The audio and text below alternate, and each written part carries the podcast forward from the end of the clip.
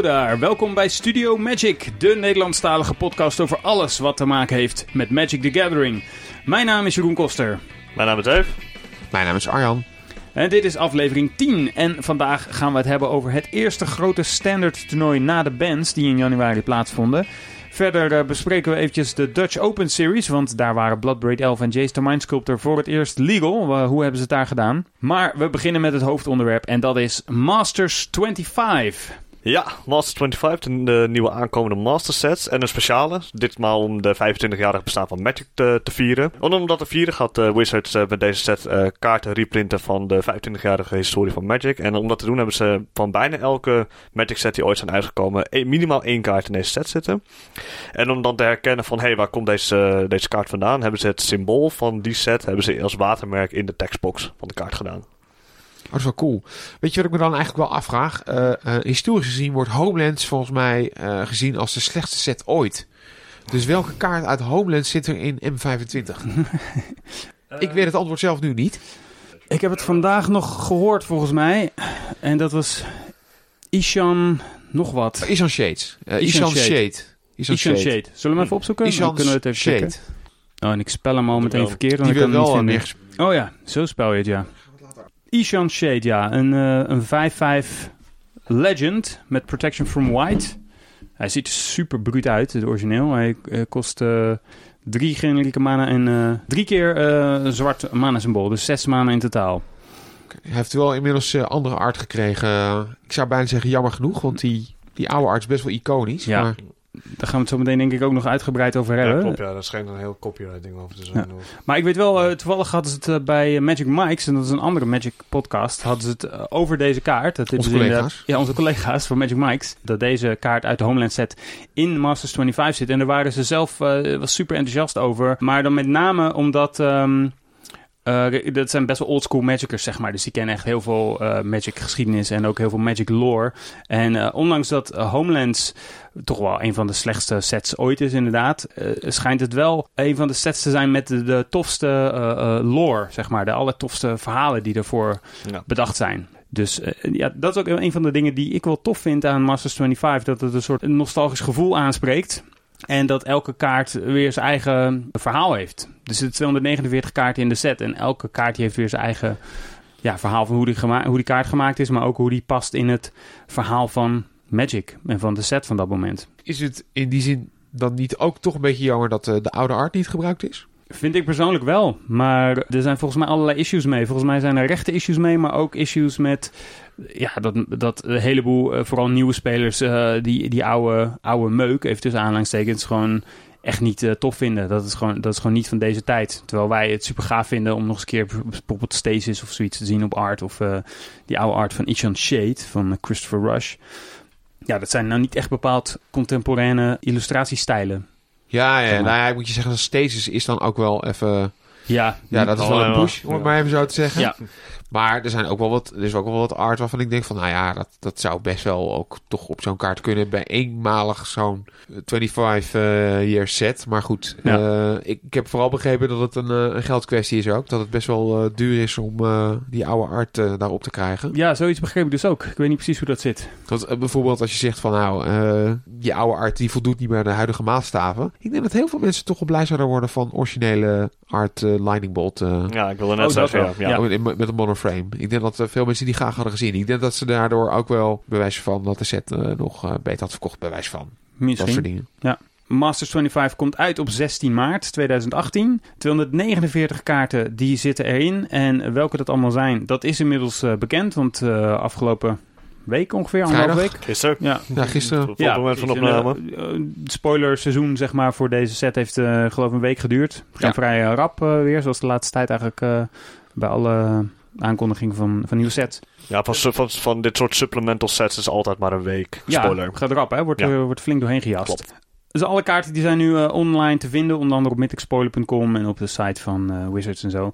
Misschien is het leuk om even te beginnen met een virtuele booster. Dat we dan eens wat, uh, wat kaarten doornemen. Goed, goed idee. Ja? ja? Alright. Hiervoor gaan we even naar de website draftsim.com. Altijd een vertrouwd adres voor het openen van boosters die je helemaal niet in huis hebt. En dan uh, kun je even wat proefpicks doen, zeg maar. Nou, ik heb hier een booster, jongens. De eerste common is een eh, witte kaart, één wit en één eentje Human Soldier Loyal Sentry. En eh, die heeft ook nog tekst.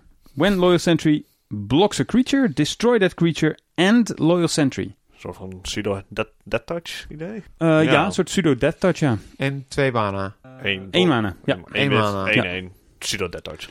Nou, oké. Oké. Volgens mij is het belangrijkste in deze kaart dat hij voor het eerst op common wordt geprint. Dus dan is hij pauper legal. Oh, dat weet Dave dan weer. Dat vind ik supergoed. Jij kende de kaart eh, wel. Ja, alleen omdat ik zag dat hij was gedownshift naar common. Oh, Oké, weet je in welke set die voor het eerst geprint is? Homelands. Nee, want die is er zo geweest. Ik heb geen idee. Nee, het is niet zo dat uit elke set maar één kaart in Nee, deze set dat zit. klopt, kunnen er ook meer zijn. Want Maar Uit Homelands wil je niet meer dan één kaart. dus, Nou, Nee. ik- Starter 1999. Oh jeetje. Oh Ja. god, ja natuurlijk, ja. De starter sets en de portal sets zitten er natuurlijk ook in. Ja. Ja, Zeker. Jezus. nou, er zit echt heel veel in. Hoe goed vind je deze kaart, eh, Arjan? Nou ja, het lijkt me wel aardig, maar niet eh, eentje waarvan ik blij word om die te verspikken.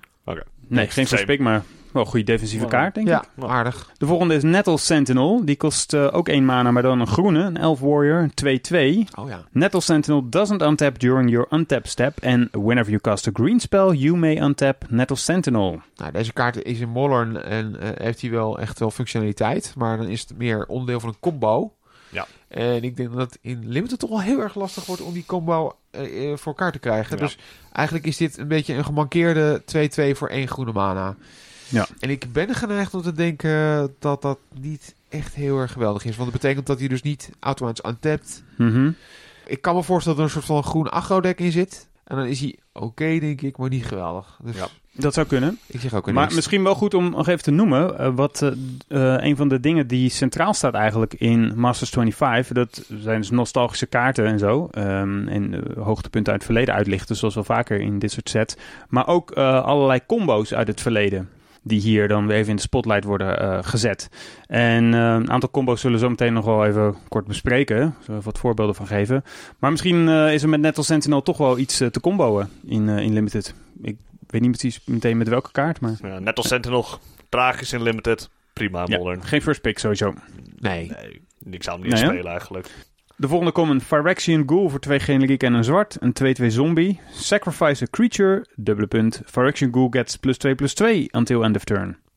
Hmm. Klinkt als die ene kaart. Klinkt als een Nantuko Husk. Ja, dus Toch? die ja, die ja. Eh Nantuko Husk is een zombie insect. En eh Phyrexian Ghoul is gewoon een zombie. Maar Mm, klinkt als een prima creature- een filler creature met een combat trick op een stick, I guess. ja, het is eh, denk ik een goede sack outlet. Misschien ja, als je kaarten gaat draften waarin je ehm, creatures voor je tegenstanders jat. Ja. Of je hebt een eh, token deck of zoiets. Kan het wel worden. Ja, het is al gratis sack outlet, dus Ja. op zich. De volgende.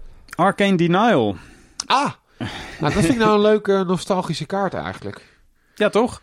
Ik ken hem niet, lees eens voor, wat doet deze? Eén generiek en een blauw. Een instant. Counter target spell. Its controller may draw up to two cards at the beginning of the next turn's upkeep. And you draw a card at the beginning of the next turn's upkeep. Oké, dus, dan- oké, dus je tegenstander draait er twee, jij draait er één. Ja. Oké. Dat mag. En eh, deze kaart is eh, populair in eh, mijn playgroup ook. Dus, we spelen veel Commander. En vroeger speelde altijd multiplayer met gewoon eh, eh, 60 kaarten decks. En dan was dit altijd wel een populaire kaart. En dan komt het natuurlijk heel erg vaak voor dat iemand zijn upkeep trigger vergeet. En dan niet die twee kaarten trekt. Dus dan had je altijd wat extra value met je Arcane Denial. Maar ook als mensen hun triggers wel onthouden, denk ik een goede speelbare counterspel. Ik, ik zit me af te vragen of hij in het eh, eh, beroemde Prosper, Prosperous Bloom deck zat. Wat in Geen 1997 de Pro Tour won. Pro Tour Parijs, maar ik weet het niet meer helemaal zeker, eerlijk gezegd. Zo, dat was 20 Willen jaar we dat geleden. opzoeken? Zo, we gaan weer even terug in de tijd. Nou, zoek maar even op, ik ben wel benieuwd. Ik was, ik, Als was, het klopt, dan vind ik het wel weer gaaf dat ik het nog weet, maar... ik was vijf. Dus dat deck uit Parijs was de Pro Tour winnaar? Mike Long was dat. Oké, en dan is later... Wacht, Oh ja, Mike Long Pro Tour Paris, eh, april 1997. Ja, oké. Dus je hebt een beetje gelijk, want Arcane Denial zat dus niet in dat deck. Maar later eh, is hij wel eh, toegevoegd aan dat deck. Is het deck wat nog verder geperfectioneerd. Ja, dus Memory Lapse eruit gehaald. Eh, dat is een counterspel die zegt dat de spel die gecounterd wordt bovenop de library gaat van je tegenstander. En eh, die is dus vervangen door Arcane Denial daarna. Volgens dit artikel op eh StarCityGames.com. Nou, wat er leuk was, dat het dus echt een van die eerste eh, Combo. combo decks was. Echt louter combo decks. Louter combo deck. Oh, grappig. Impressive dat je dat nog weet. Oh ja, hij verving Memory Labs, maar ook PowerSync. Nou, nice. Goed, genoeg... ehm, Over Arcane nou. ik vind dat, eh, ik, eh, ik zou tot nu toe... eh, en het grappige is dat ik nu ook zeg... dat ik een beetje door nostalgische redenen geneigd ben om die kaart te pikken. ja, dat, dat die trouwens wel andere art. Die heeft ook andere art. Ja, die heeft ook andere art. Die art was trouwens... De originele art van Arcane Nile, super vet. Richard Kane Ferguson? Ja, precies. Dat ik denk ik een van mijn favoriete Magic artists. Oké.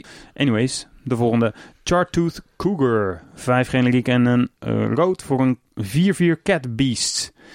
En die heeft als activated ability eh, een rood. Voor één rood. Chartooth Cougar gets plus 1 plus 0 until end of turn. Fire Oh. breeding. Eh Fire Breathing. Ja, en hij heeft Mountain Cycling 2. Dus je mag hem discarden Oh, ja. en dan mag je een mountain zoeken. En uit welke set komt deze oorspronkelijk? Weet je dat? Eh dit is het eh, Scourge logo volgens mij. Oké. Iets wat cycling heeft kan nooit heel erg slecht zijn. Dus dat is deze ook niet. Maar we worden er ook niet warm van. Nee. Dus ik zit nog steeds op Arcane.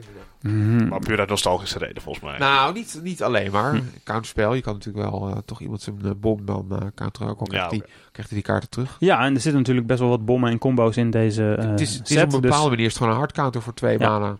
dat is wel Die kun splashen. Dus Zeker. Volgende, Jackal Pup. 1 rood. Ook weer een creature voor, voor 1 mana. Eh, een rood mana voor een 2-1 Jackal. En whenever Jackal Pup is dealt damage, it deals that much damage to you. Er zitten wel aardig wat rode bunkaarten in deze set. Maar ik zou deze niet verspikken.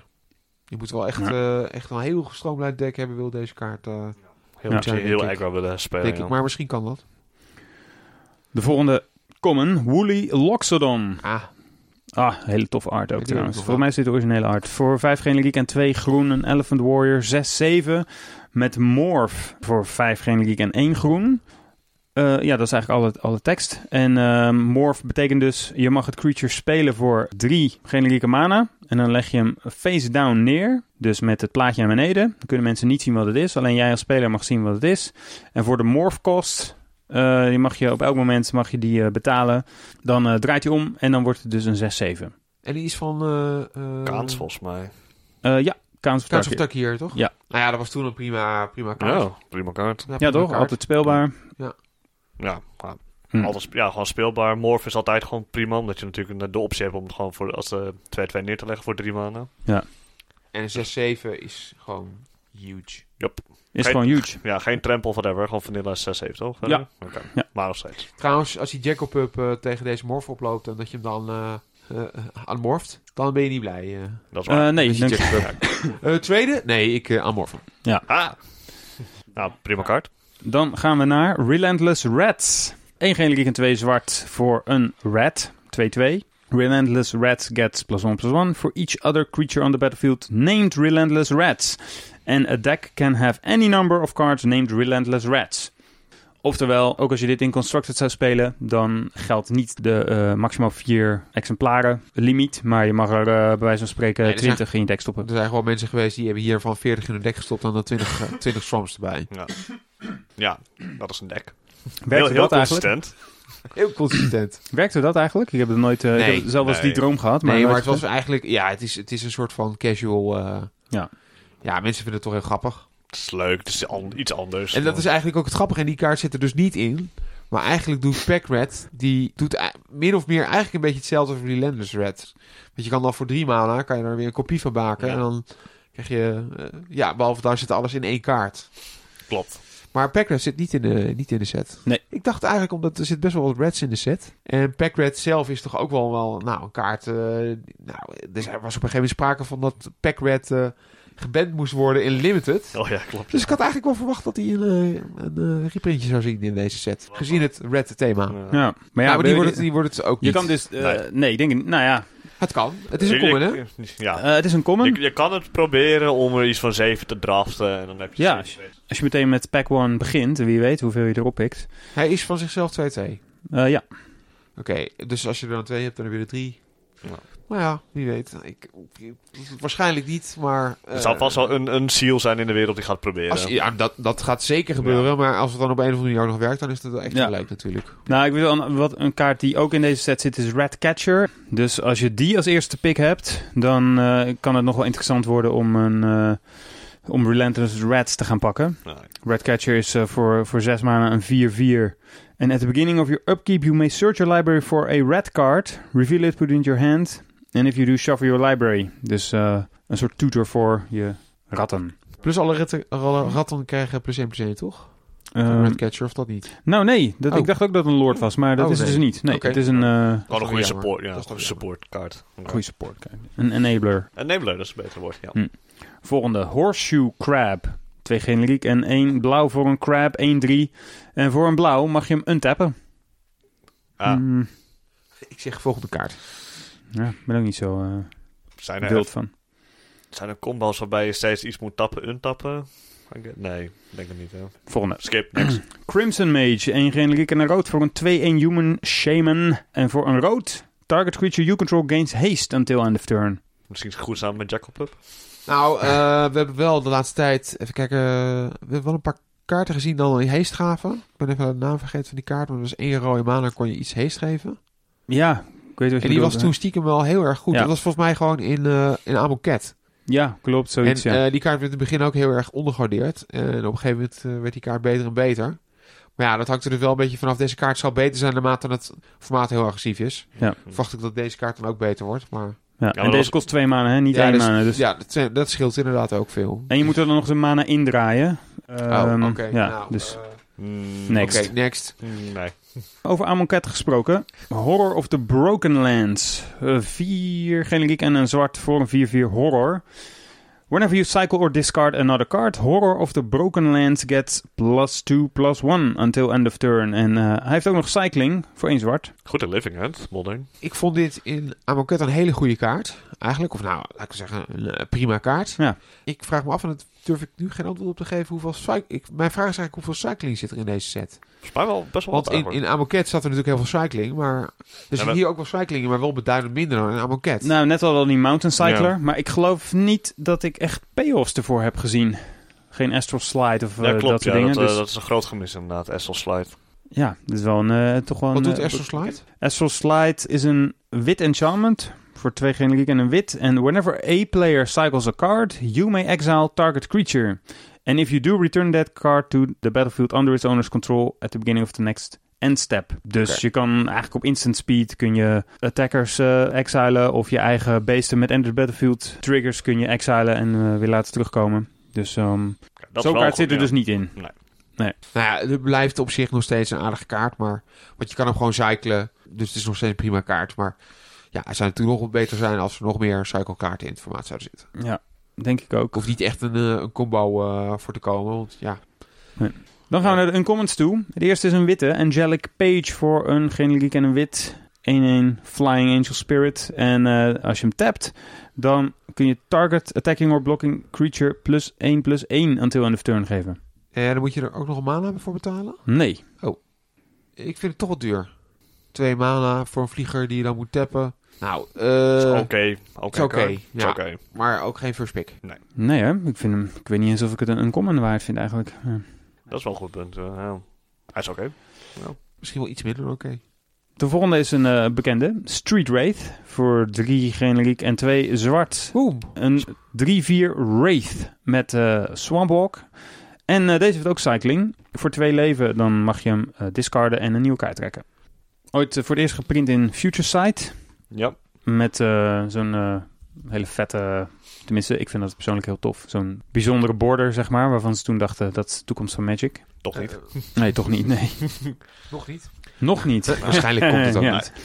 Maar ja, even kort daartussendoor. Het is een mooie video van Ristic Studies, volgens mij op YouTube. Die heeft Ja. een uur lange video gereleased over de verschillende borders in Magic. Oké. En waarom eigenlijk de Future Sight border verschrikkelijk slecht is. Maar die video ging trouwens niet alleen over de borders, maar eigenlijk over alle aspecten ehm, op het gebied van layout en vormgeving Ja, ja. Van, eh, van Magic kaarten. Eh, het duurt volgens mij drie kwartier. Nou, ik heb hem eh, volgens mij eh, in één stuk helemaal afgekeken. Same. Echt super, eh, super goed gemaakte, Ja. ja, toffe video. Met een heleboel dingen die je misschien al wel eens waren opgevallen, maar nog nooit zo lang bij hebt stilgestaan. En eh, ja, Ja, het begon allemaal natuurlijk met de discussie van die eh, invocations uit Amon- Amonkhet. Over zijn, is dit een goed ontworpen kaart? Ja, ja, de vraag die als een rode draad door de hele video heen loopt is eigenlijk... eh does this look like a magic card? Ja. Omdat er heel veel kaarten zijn geprint in eh, Invocations zijn daar een voorbeeld van... waarvan mensen denken, ja, maar dit lijkt helemaal niet op een magic kaart. Ik kan hem niet eens lezen. Ehm, Ja, en ook, ook functie over, over visueel is ook een rode draad in hetzelfde video. ja, klopt. Oh, we zetten een link in de show notes. Ja. Is die speelbaar trouwens, Street Wraith? In Limited? Nou, lijkt me wel. Ja, het is een gratis cycle kan handig zijn. Maar Drie, ook vier gewoon een vijf. 3-4 Swampball kan ook wel een redelijk goede kaart gewoon hoor. De set totaal nog niet gedraft hebbende, zit ik eigenlijk nog steeds op Arcane nou. Ja. Fair enough, goed punt, goed punt. Ik denk er ook. De laatste uncommon is Ordeal of Heliod. Oh ja. Een, eh, een aura voor een wit en een uh, generieke mana. Enchant creature. Whenever enchanted creature attacks, put a plus one plus one counter on it. And then, if it has three or more plus one plus one counters on it, sacrifice Ordeal of Heliod. En dan staat er nog een regeltekst. When you sacrifice Ordeal of Heliod, you gain 10 life.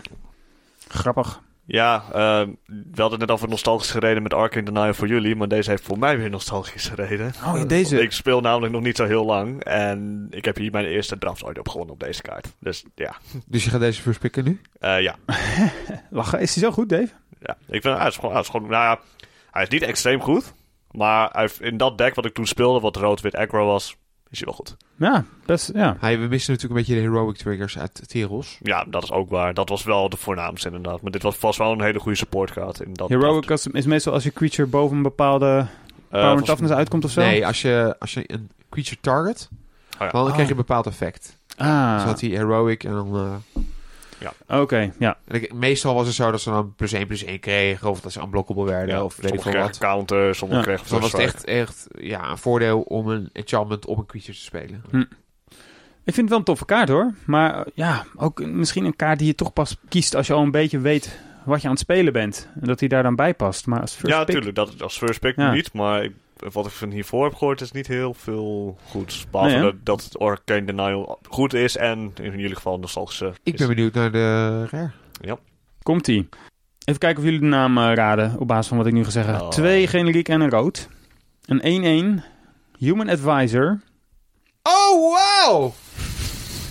Jazeker. Yay! Jazeker. Imperial Recruiter! We hebben Ah, een ja. virtuele Imperial Recruiter geopend. Jammer dat hij virtueel is. hè? Ja, Ja. super hoge value in deze, deze digitale booster. Uh, when Imperial Recruiter enters the battlefield, search your library for a creature card with power 2 or less. Reveal it, put it into your hand, then shuffle your library. Oké, pak deze nergens meer over hebben. ja. Oorspronkelijk geprint in Portal vol 3 volgens mij of zoiets. Ik heb, eh, ja, eh Free Kingdoms. Uh, ja, ik geloof dat je gelijk hebt. Ja, en dat is ook de reden waarom hij zo heel duur was. Er waren gewoon heel weinig beschikbaar. Ja, het is ook, hij is ook nog een keertje gereprint als eh, Judge Foil. Oh ja. Maar hij was, eh, tot voor deze reprint was hij ongeveer iets van 115 euro of zo. Ja. De goedkoopste. Ja, dit is een van de, van de duurste kaarten uit de set, volgens mij. Uh, Nog wel. Nog wel, ja. Dat zegt Dave goed. Zit hij in je cube? Nou, ik had niet zoveel zin om daar 100, eh 100 zoveel euro voor uit te geven voor die kaart. Maar ik denk dat, dat hij nu flink gaat dalen. En Hm. dan ga ik hem zeker in mijn cube stoppen. Ja, maar je hebt ook een witte kaart die hetzelfde ba- basically doet, toch? Eh, ja, die zoekt dan op, eh op toughness. Ja, Hm. klopt ja. En deze zoekt op power. Het aardige van is in cube, maar dan gaan we een beetje naar een ander punt. Maar dat je Kiki Jiki hierbij kan vinden bijvoorbeeld. Hmm. Of Ah, ja. Pestor- Pestormite kan je ermee vinden. Je kan eh eh, die Seaver Exarch vinden. Dus het is een beetje een combo-innemer. Ja, en zelfs als je geen combo pieces in je deck hebt, ja, kun je altijd nog je Jackal Pup uit je deck eh, zoeken. Bijvoorbeeld. Nou, en dat gaat Jeroen ook zeker doen. Maar volgens mij hebben we nog een foil over. Uh, nou, niet op uh, draftsim.com. Ja. Helaas. Oh, maar we mogen ook wel uh, mogen niet klagen met die Imperial Recruiter. Nee. Ik denk dat het, eh denk unaniem hier waarschijnlijk, pakt de Imperial Recruiter. Eh, ja, kijk, stel- de vraag zou eigenlijk zijn van wat is de beste kaart? Oké, maar stel, hè, je zit, eh, stel dit is niet pakje 1, maar pakje 3. En je bent een wit-blauw deck aan het draften, bijvoorbeeld. Ga je dan deze toch kiezen, omdat hij zoveel waard is? Ja. Waarschijnlijk wel, hè? Ja. Nou, en omdat ik hem heel graag mijn cube wil stoppen. Ja. maar laten we wel wezen, een kaart... eh, kijk, hij... Ik geloof dat hij nu op dit moment dat we dit opnemen... is hij geloof ik zo rond de 60 euro. Ik dacht 65 euro. Hm. Ik vermoed op het moment dat die set echt uitkomt, die zeker gaat dalen naar, eh, nou, ik denk een uurtje of 25, 20 misschien. Ik denk dat nog wel minder. Hm. Voornamelijk price memory en beperkte oplagen, dat hij nu zo duur is. Ja. Ja. maar dat betekent toch ook wel dat mensen misschien niet heel snel voor veel minder willen verkopen. Dus Mm. ik denk niet, niet, ik denk niet dat plotseling iemand bedenkt van, oh, ik ga hem nu verkopen voor 25 euro. Meteen, voor Nee, 65. Nee, nee, nee, nee. Maar ik denk dat die gaandeweg wel zal dalen. Eh, maar ja, zelfs dan nog zou ik hem wel echt heel graag willen hebben. Dus, eh, Ja. En dan heb je toch, voor 25 euro heb je toch bijna je draft eruit. Ja, hoogstwaarschijnlijk wel, ja. Dan kan je nog steeds een prima deck hebben. Nou, dan is een beetje de vraag: is eh, zo'n soort booster, als we net eh, zeg maar virtueel hebben geopend, is dat een beetje ja, representatief voor de set? Op basis van wat we nu eh, weten, van wat we gezien hebben van de, van de spoiler. Hoe bedoel je dat? Ehm, Nou ja, krijg, krijg je een mooi nostalgisch eh, gevoel van de historie van Magic tijdens het openen van deze booster, Arjan? Eh, ik vind dat de set daar eh, deels in geslaagd is. Ik bedoel, we hebben het niet net eh, voor niks eh, over Arcanina bijvoorbeeld, of over Ordeal of Heliot. Ik denk dat die kaart op, bij de meeste mensen wat minder eh, nostalgische gevoelens oproept. Ja, verschil moeten wezen. Ja, precies. Maar ik denk dat de set daar deels in geslaagd is. Ik zeg, is mijn voorzichtig antwoord. Ja. Nou, Hoe ik kijk denk jij wel, daarna, Jeroen? Nou, ik vind, denk ik eigenlijk deze booster eh, toch wel een grappige afspiegeling van, eh, van wat ik eh, van de spoiler heb gezien en van wat de set probeert te doen. Inderdaad, omdat veel kaarten meteen een soort herinnering boven doen drijven. Dus inderdaad het nostalgische gevoel weten te, te triggeren. Maar ook een beetje, en dat is misschien wat, ja, misschien wat negatiever, maar dat je dus niet meteen... ehm, ik weet nog niet precies wat voor decks je nou gaat draften in Masters 25. En ik vind het dus best wel lastig om dan zo te zeggen: Oh, dit is sowieso de, de beste pick. We waren best wel eh, ehm, aan het twijfelen, toch? Over welke kaarten nou goed waren. Nou, ik, de kaarten, het merendeel van, van wat jij voorlas, vond ik niet bijzonder powerful. Nee, dat ja. En het is mij nog, op dit moment is het nog onduidelijk. Ik heb, ik heb ook nog wat filmpjes gekeken, maar ik, ik heb de set onvoldoende volledig bestudeerd. Want echt, sinds kort zijn pas echt alle, alle comments en uh, uncomments gespoild. Ja, Dus ik heb de rares en eh, de mythics heb ik wel aardig bekeken, maar die andere kaarten nog onvoldoende. Maar het is me op, eh, nu op de voorhand nog niet helemaal duidelijk wat de thema's zijn die in de set zitten. nee, ik heb ze eerlijk gezegd ook nog niet heel erg kunnen ontdekken. Ik heb er ook nog geen dingen over gelezen of iets dergelijks. Ik had een filmpje gezien van iemand die zei dat hij eigenlijk juist heel weinig synergie zat, zag. Maar ja, ik moet dat echt uh, zelf zien om dat te kunnen beoordelen. Dus Ja. Nou.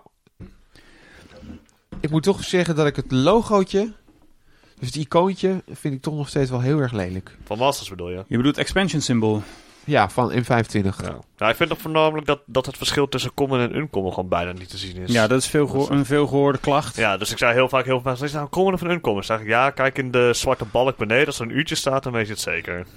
Ja, het grappige is dat je vroeger helemaal niet wist. Dan moest je het gewoon weten. Je moest Ja, gewoon weten of een precies, kaart er was of niet.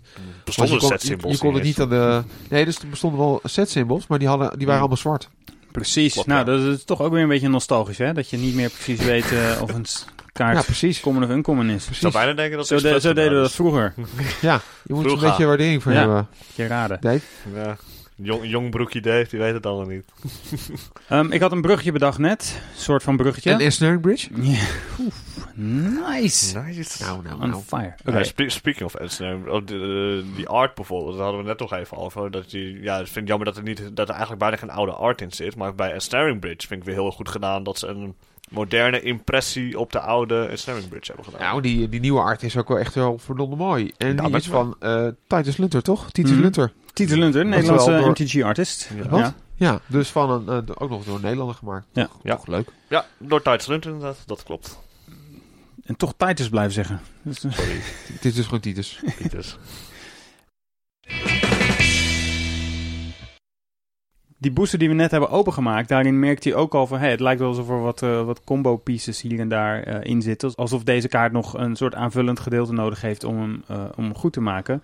En dat is ook wat de bedoeling was van Wizards. Om eh, zeg maar klassieke combo's in deze set te stoppen. Dus ja, misschien draft je hier niet eens eh, zozeer eh, bepaalde archetypes. Maar eh, gewoon bepaalde oude, oude combo's van vroeger. Er zit een één eh, bekende combo in een Flash Hulk. Ja, dat is er eentje. Alleen dat zijn wel allebei rares in deze set. Of dat niet? Nee, volgens mij niet. Volgens mij is Flash een uncommon. Ja, ja, de kaart Flash en de kaart Protean Hulk. Nee, je hebt gelijk, het zijn allebei raars. Allebei. Oké, Ja, dus het lijkt me wel vrij lastig om daar een combo deck omheen te draften. Ja. Misschien is het wel even grappig om te vertellen wat die kaarten doen. Dat is zeker grappig. Flash is een instant voor een generieke en een blauw. You may put a creature card from your hand onto the battlefield, and if you do, sacrifice it, unless you pay its mana cost reduced by up to 2 generic mana. Ja, een manier om eh, een, een beest uit je hand op tafel te krijgen. Eh, zij het eh, kortstondig. En Protean Hulk, dat is dan de andere helft van deze combo. Voor 5 generiek en 2 groen, een 6-6 eh, beast. En when Protean Hulk dies, search your library for any number of creature cards with total converted mana cost 6 or less and put them onto the battlefield and then shuffle your library. Ja, oftewel, je flasht hem into play. Je moet hem vervolgens sacrificen. En dan mag je alle creatures uit je deck zoeken en op, in op de battlefield leggen, mits ze zes maanden of minder kosten. Het is wel vrij insane, maar zoals ik net al zei, ja, het zijn twee rares. Dus zelfs al heb je het geluk dat je deze twee kaarten allebei weet te draften, dan nog moet je ook nog eens het geluk hebben dat je die twee kaarten allebei pakt. Eh, nou, dan neem ik aan dat, dat als je die twee kaarten hebt, dat het dan wel de moeite waard is om het te doen. Ja. Maar om nou te zeggen dat we hier eh, een mooie draft eh, archetype te pakken hebben, dat eh, lijkt me zwaar overdreven. Ja, inderdaad. Dat is waar. Een andere combo die erin zit is Vesuvian Shapeshifter en Brine Elemental. Ik weet Oh. niet of jullie die kennen. Nee, die ken ik niet. Die is ook vrij spicy.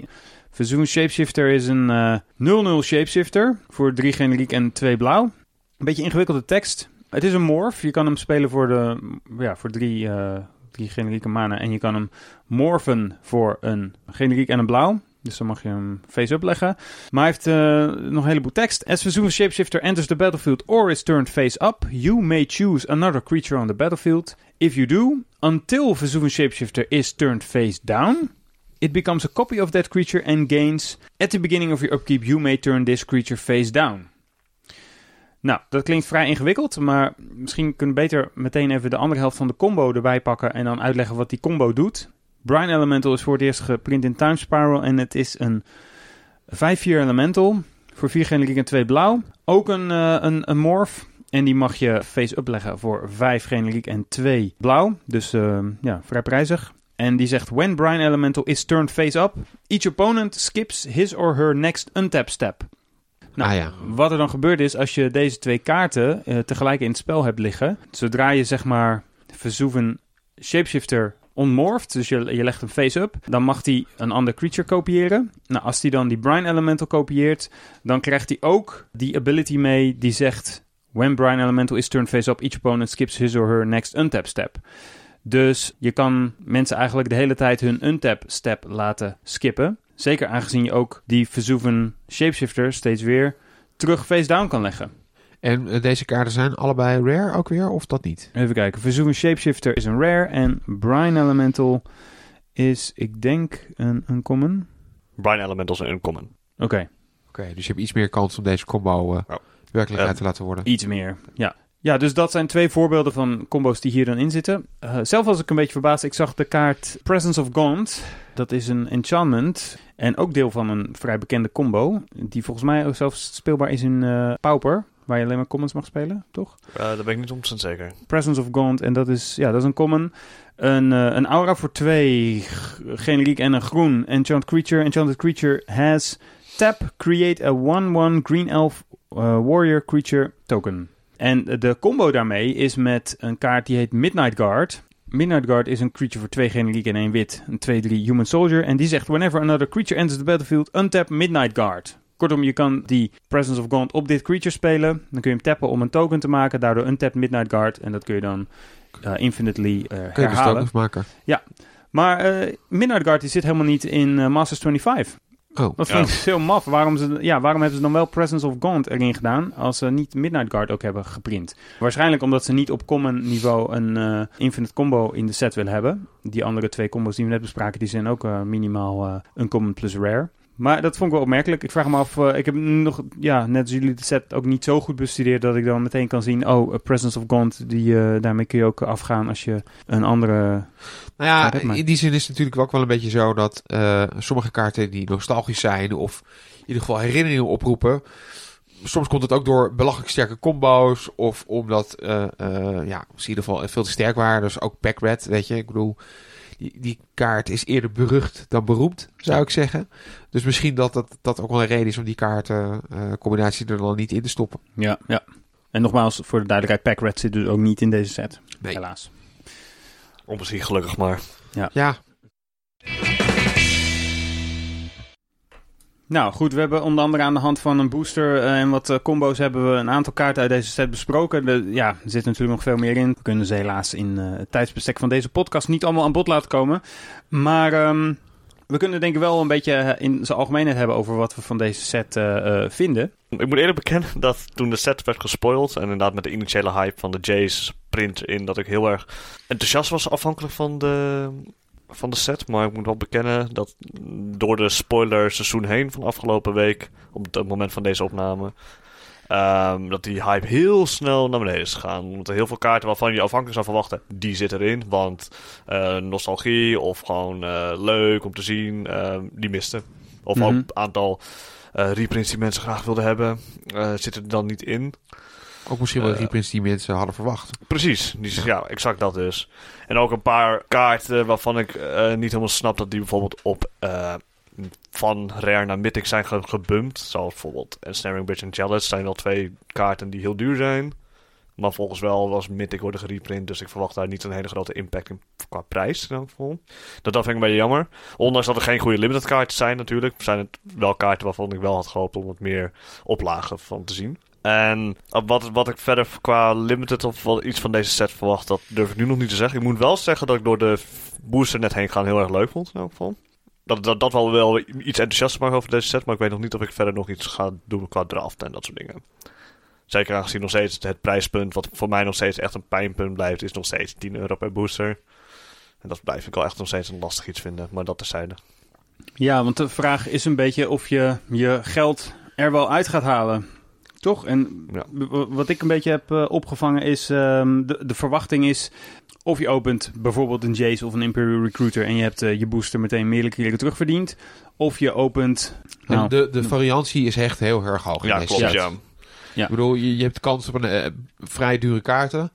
Maar de kans is nog wel een stukje groter dat je echt helemaal niets openmaakt Ja. qua waarde. Maar en dan is wil- 30 euro voor een draft of iets in die buurt. eh, laten, laten we er 25 van maken. Dan nog is dat best wel veel. Maar dan wil ik toch even mijn zin afmaken... want dan, dat, anders dan monteert het niet zo mooi. Oh, Eh, sorry. Sorry hoor. eh, maakt niet uit. Sorry. Kom er buiten dan? Even kijken, wat is nou echt een crap rare, jongens? Of een crap mythic? Eh, Tree of Redemption. Ja, Tree of... ja, Tree of Redemption, ja. Geweldig. Hoezo, wat is er mis mee? Het is een hele goede blokker. Volgens mij drie, drie generiek, één groen, 0, Tree 13. of Redemption. Defender, tap, je levenstotaal wordt 13. Nee. Hij, hij heeft, daar ook nog een, hij heeft ook nog een zwarte variant, hè? Tree of Redemption. Ik weet even niet ja. hoe die heet, maar... Tree of Perdition. Ja. Oh, nou. Dat je die graag wil Daar heb ik een keer een potje mee gewonnen, samen met... eh, Nou, nostalgie. Met- Nostalgie. en maar klagen. En maar klagen. Maar volgens mij was dat samen met met... Jeroen een- Verhallen samen. Super vet. Nou, Nou, nou, nee. Dat- Ja, maar ja, die combo zit er dan weer niet in. Nee, precies. Gemiste kans. Maar het is dus een beetje... Ja, of je opent een kaart als Imperial Recruiter of Jace the Mind Sculptor... en dan heb je je booster meteen meerdere keren terugverdiend. Of ja, je opent een, eh, een Mythic als eh, Tree of Redemption. Die is op dit moment eh, nou, nog geen 3 euro waard... en dat Ja. zal nog wel meer gaan Ja, zakken. er zijn er volgens mij nog wel... eh, het verbaast me inderdaad dat die kaart nog steeds... dat die alsnog 3 euro is. Mhm. Maar volgens mij zijn er zelfs Mythic die nog wel minder waard zijn. Ja, Chroma Angel Fury volgens mij. Eh, Die is 50 Conflux? cent. Zit Conflux zit er ook in, maar dan op rare volgens mij. Is die... Oh, oké. Zou kunnen. Hmm. Maar goed, er zitten ook wel wat rares in die echt gewoon echt eh, meer dan een euro waard zijn. Ja, kortom, Nou, het, het loopt enorm uiteen. En je, ja. het is echt een, eh, een loterij eigenlijk. Wat, dat- wat de monetaire waarde betreft in elk geval. Ja. Het zijn boosters natuurlijk van zichzelf al een beetje, maar hier voelt het wel iets, iets meer opvallender dat het een loterij is. Ja, Ik dat idee heb ik ook. En naarmate ik de discussie, eh, naarmate het spoilerseizoen vorderde en ik de discussie volgde, eh, ja, werd ik daar ook eh, wat sceptisch over. Maar nu die, nu die spoiler helemaal online staat en nu ik er een paar keer zo doorheen gescrolld heb, nou, word ik op zich wel, eh, heb ik op zich wel een goede hoop dat het leuk is om hiermee te, te spelen. En net inderdaad met het openen van die booster ook al, eh, dat ik meteen dacht, oh, die kaart ken ik nog. Oh ja, daar heb ik eh, wel eens een toffe pot mee gespeeld. Of die, die kaart, die, dat was vroeger echt een stapel in mijn playgroup. Ja, dat soort gevoelens roept het wel bij me op. En ehm, ook een heleboel kaarten die ik nog niet eh, goed kende, ehm, maar waarvan ik wel denk, oh, daar wil ik best wel een keer mee spelen. Ik, eh, ik kan me voorstellen dat dit toch heel leuk is om mee te draften. Eh, de vraag is dan alleen, heb ik daar meerdere keren 30 euro voor over om dat, om dat vaak te doen? Daar twijfel ik nog een beetje over. Ik vind dat de set in ieder geval gedeeltelijk ingeslaagd is om die nostalgie terug te brengen. Ik, ik herken dat nu net ook wel een beetje. Ik begrijp ook wel dat het lastig is. Want nou, Dave, die, die nog niet zo heel lang speelt, die, uh, die zal misschien niet meteen denken bij Dark Ritual into Hypnotic Spectre. Maar mhm. dat was echt een zeg maar, van de eerste dingen die, uh, die mensen aan de lopende band uh, deden. Dus ik vind het wel heel erg jammer dat dat, dat dan toch niet in zit. Ik zie die kaarten er af en toe wel in zitten, maar ik zie soms ook toch, toch wat ik denk van ja, er zitten soms ook wel wat rare keuzes in. Mm Zo links en rechts. Dat ik denk van, ah, wat jammer dat die kaart er niet in zit. En als het gaat om een jubileumset als deze, 25 jaar. Nou, dat is toch wel een beetje een bijzonder getal, zullen we maar zeggen. Ik had eigenlijk gewoon heel erg verwacht dat Wizards alles uit de kast zou trekken om deze set super te maken. Niet goed, maar super. Ik was er eigenlijk bijna zo van overtuigd dat het een super set zou worden. Dat ik zelfs al een box besteld heb. Nou, in die zin heb ik er ook niet spijt van. Uh, ik ga hem draften en het wordt ongetwijfeld uh, leuk. Maar de set is... Nou, hij is een klein beetje speciaal door die nostalgische kaarten die er zo links en rechts in zitten. Maar Dave begon eigenlijk uh, de uitzending vandaag te beginnen met een speciale set. Ik weet niet hoe speciaal ik de set vind. Hm. Ik had ook wel wat meer value verwacht, maar het is mij eigenlijk wel duidelijk geworden. En dat, bedoel, dat is niet het enige wat belangrijk is natuurlijk. Uh, het moet ook gewoon een leuke set zijn om te draften. Dat durf ik op dit moment ook nog niet echt te zeggen. andere sets waren allemaal leuk. Dus deze set zou ook wel leuk worden. Hoewel ik dat op dit moment nog niet echt zie. Wat mij eigenlijk vooral op, opvalt is dat de set... Ja, ik vind het niet ik vind het niet knallen op een of andere manier. Ik ben niet, ik ben niet zwaar onder de indruk. Zo van, oh, die kaart zit erin, die kaart zit erin, die zit de kaart zit erin. Er zitten er ook wel heel veel kaarten in van ik denk van, oh, waarom zit die er niet in? Of waarom zit die kaart er wel in? En als het gaat over die, over die value... Nou, we weten op dit moment nog niet of Wizards uh, later dit jaar nog een master set uh, uh, gaat printen. de laatste master set was van ongeveer vier maanden geleden. En volgens mij ik heb, krijg toch sterk het idee dat Wizards, zeg maar, wat ze noemen uh, een soort van equity, zo'n card equity. Dat betekent dat je, nou, je hebt waardevolle kaarten, maar als je die elke keer weer in de box gaat stoppen, dan wordt die vanzelf op een gegeven moment heel weinig waard. En dan gaan mensen die, die boosterbox ook niet meer kopen, want hoe minder die kaarten waard worden, hoe minder het interessant wordt om die box te kopen. Dus zij hebben gedacht, hé, hey, Jay zit er nu in, dat is de grote headliner, daar komen mensen op af. Dan gaan we er niet ook nog heel veel andere goede kaarten in stoppen. Want Jace in zijn eentje gaat deze set eigenlijk al verkopen. En dat is op zich best wel begrijpelijk. Hm.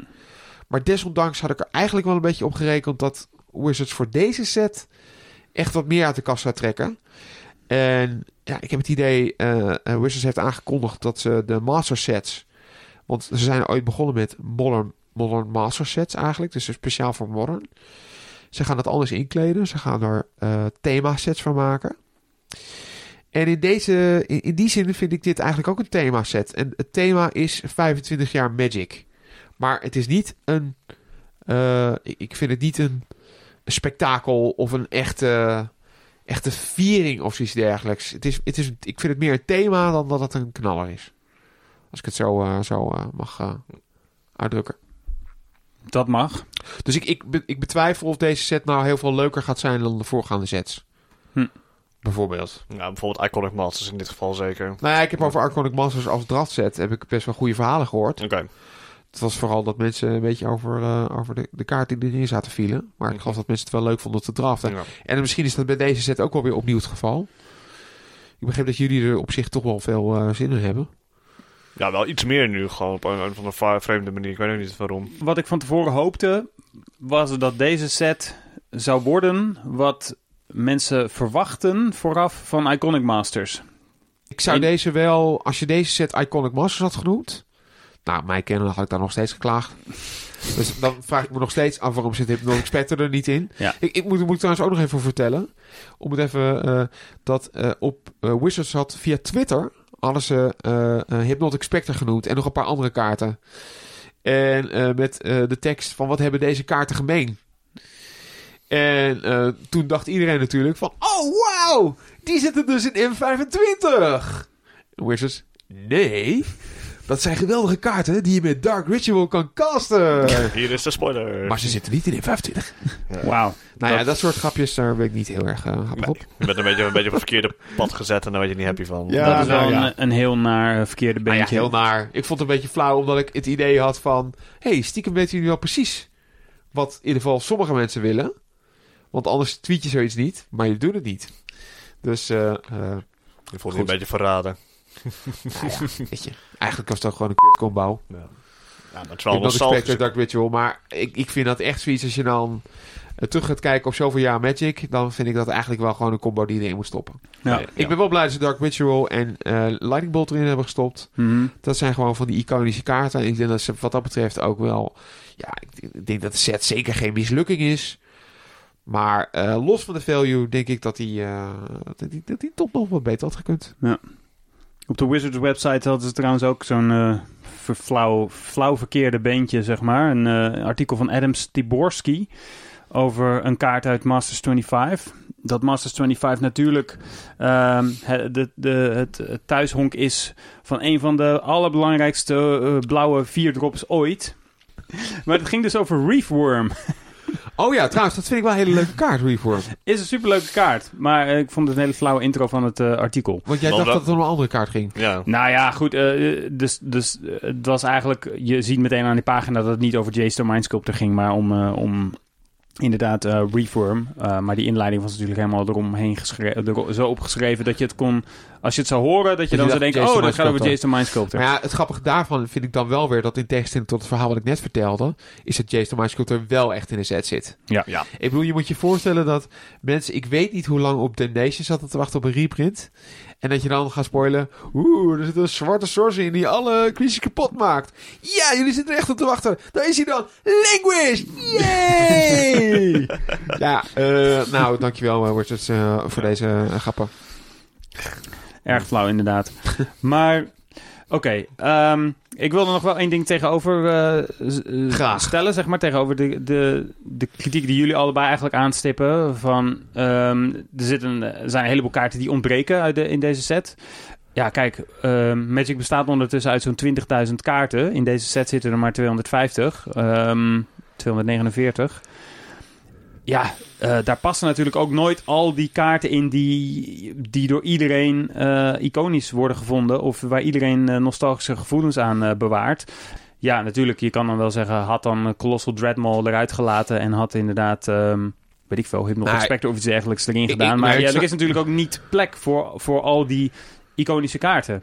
Nee, dat ben, dat ben ik wel met je eens. Maar dat zeggende denk ik, ik... Ik denk dat het wel op een andere manier wel had gekund. Ja. Ik denk dat er wel genoeg kaarten in zitten waar, waarvan ik denk van... Nou, die had je er niet per se in hoeven doen. Ja. En eh, nou ja, Ik denk- ik- het is echt te vroeg om nu te zeggen dat... eh, ik ben heel benieuwd hoe het gaat draften. Daar durf ik op dit moment nog niks over te zeggen. Ja.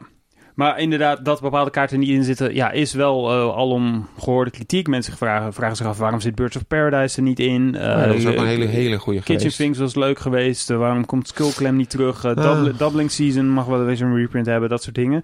Eh, ja, er zijn nog veel verschillende, verschillende redenen Ja. waarom die erin zouden moeten zitten. Want Doubling Season... Ik vind Doubling Season zelf niet zo'n hele... Ik snap dat het een populaire kaart is, maar ik vind het niet echt een hele nostalgische kaart. mhm. Ik weet niet, volgens mij heeft die kaart ooit Players in Constructed?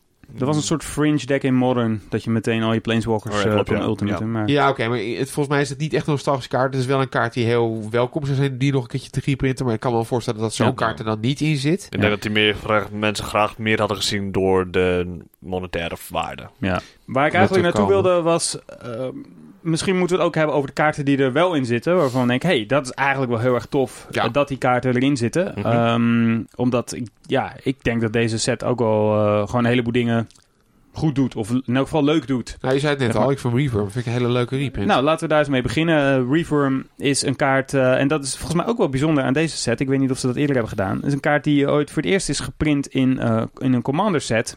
En eh, ja, niet in een. eh, die is nooit standard legal geweest of iets dergelijks. Nee. Maar zo zien, een zo zien een aantal kaarten die eigenlijk uit Commander sets komen. Inclusief een aantal eh, Commander kaarten. Die zien nu een, een reprint. En dat betekent dus ook dat, dat sommige voor het eerst. ehm, eh, ja, een foil foil, ja, een foil uitvoering krijgen. Dat is natuurlijk ontzettend leuk voor, de Commander-spelers uh, aller landen. Laten we eerst Reform even bespreken. Reform is een 0-1 worm voor drie generiek en een blauw. En die heeft de volgende tekst. When Reform dies, create a 3-3 blue fish creature token with... When this creature dies, create a 6-6 blue whale creature token with... When this creature dies, create a 9-9 blue kraken creature token.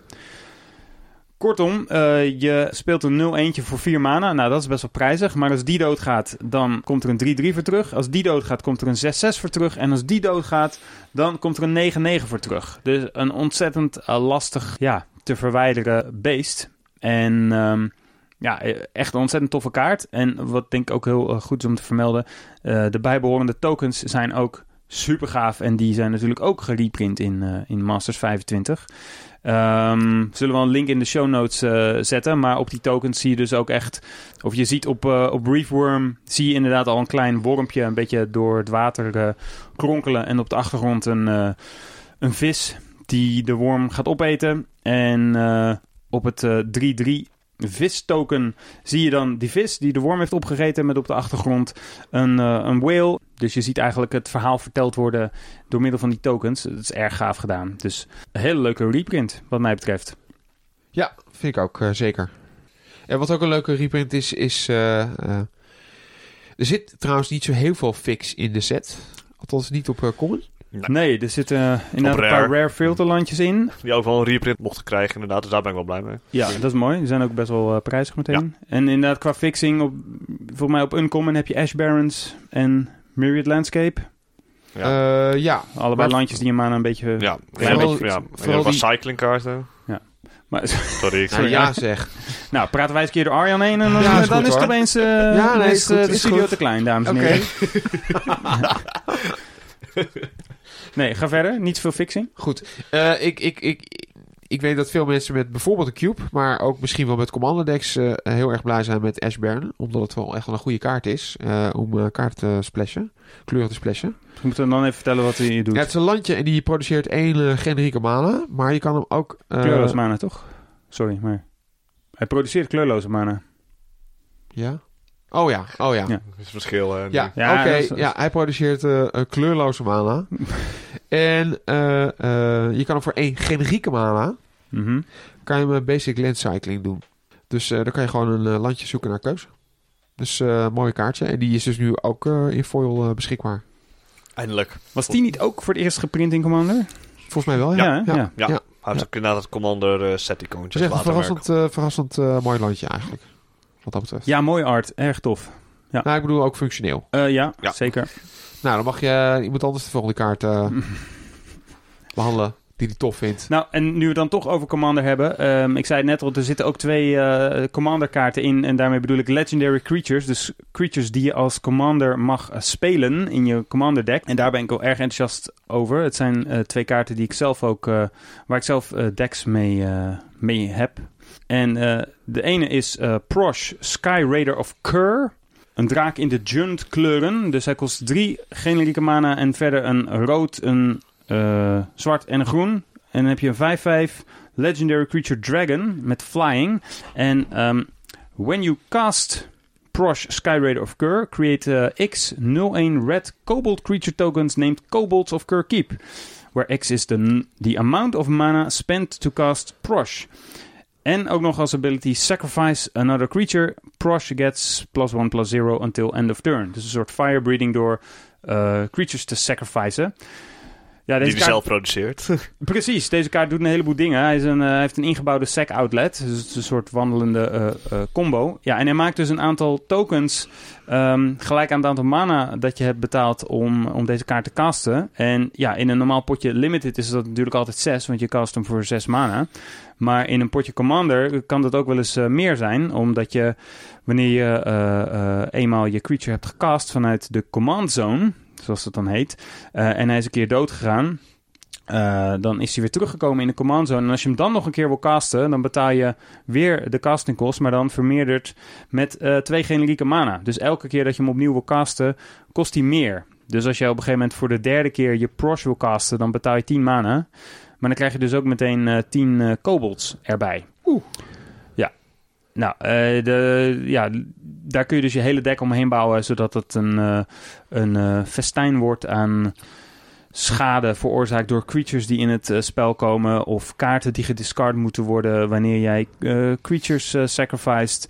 Ehm, ja, dat, dat levert een vrij, vrij sterk deck op. Het is ook wel En- grappig trouwens, die, die kobolds. Ja. Dat dat vroeger eigenlijk ook een, een soort van kleurloze rode kaart was. Ja, die hadden geen casting kost, maar die waren wel rood. Je En kon dan ze dan kasten voor 0. Ja. Maar ze waren rood en het waren 0-1 kobolds. Ja. Dus Ja. eh, En er waren ook nog nooit überhaupt tokens voor gemaakt.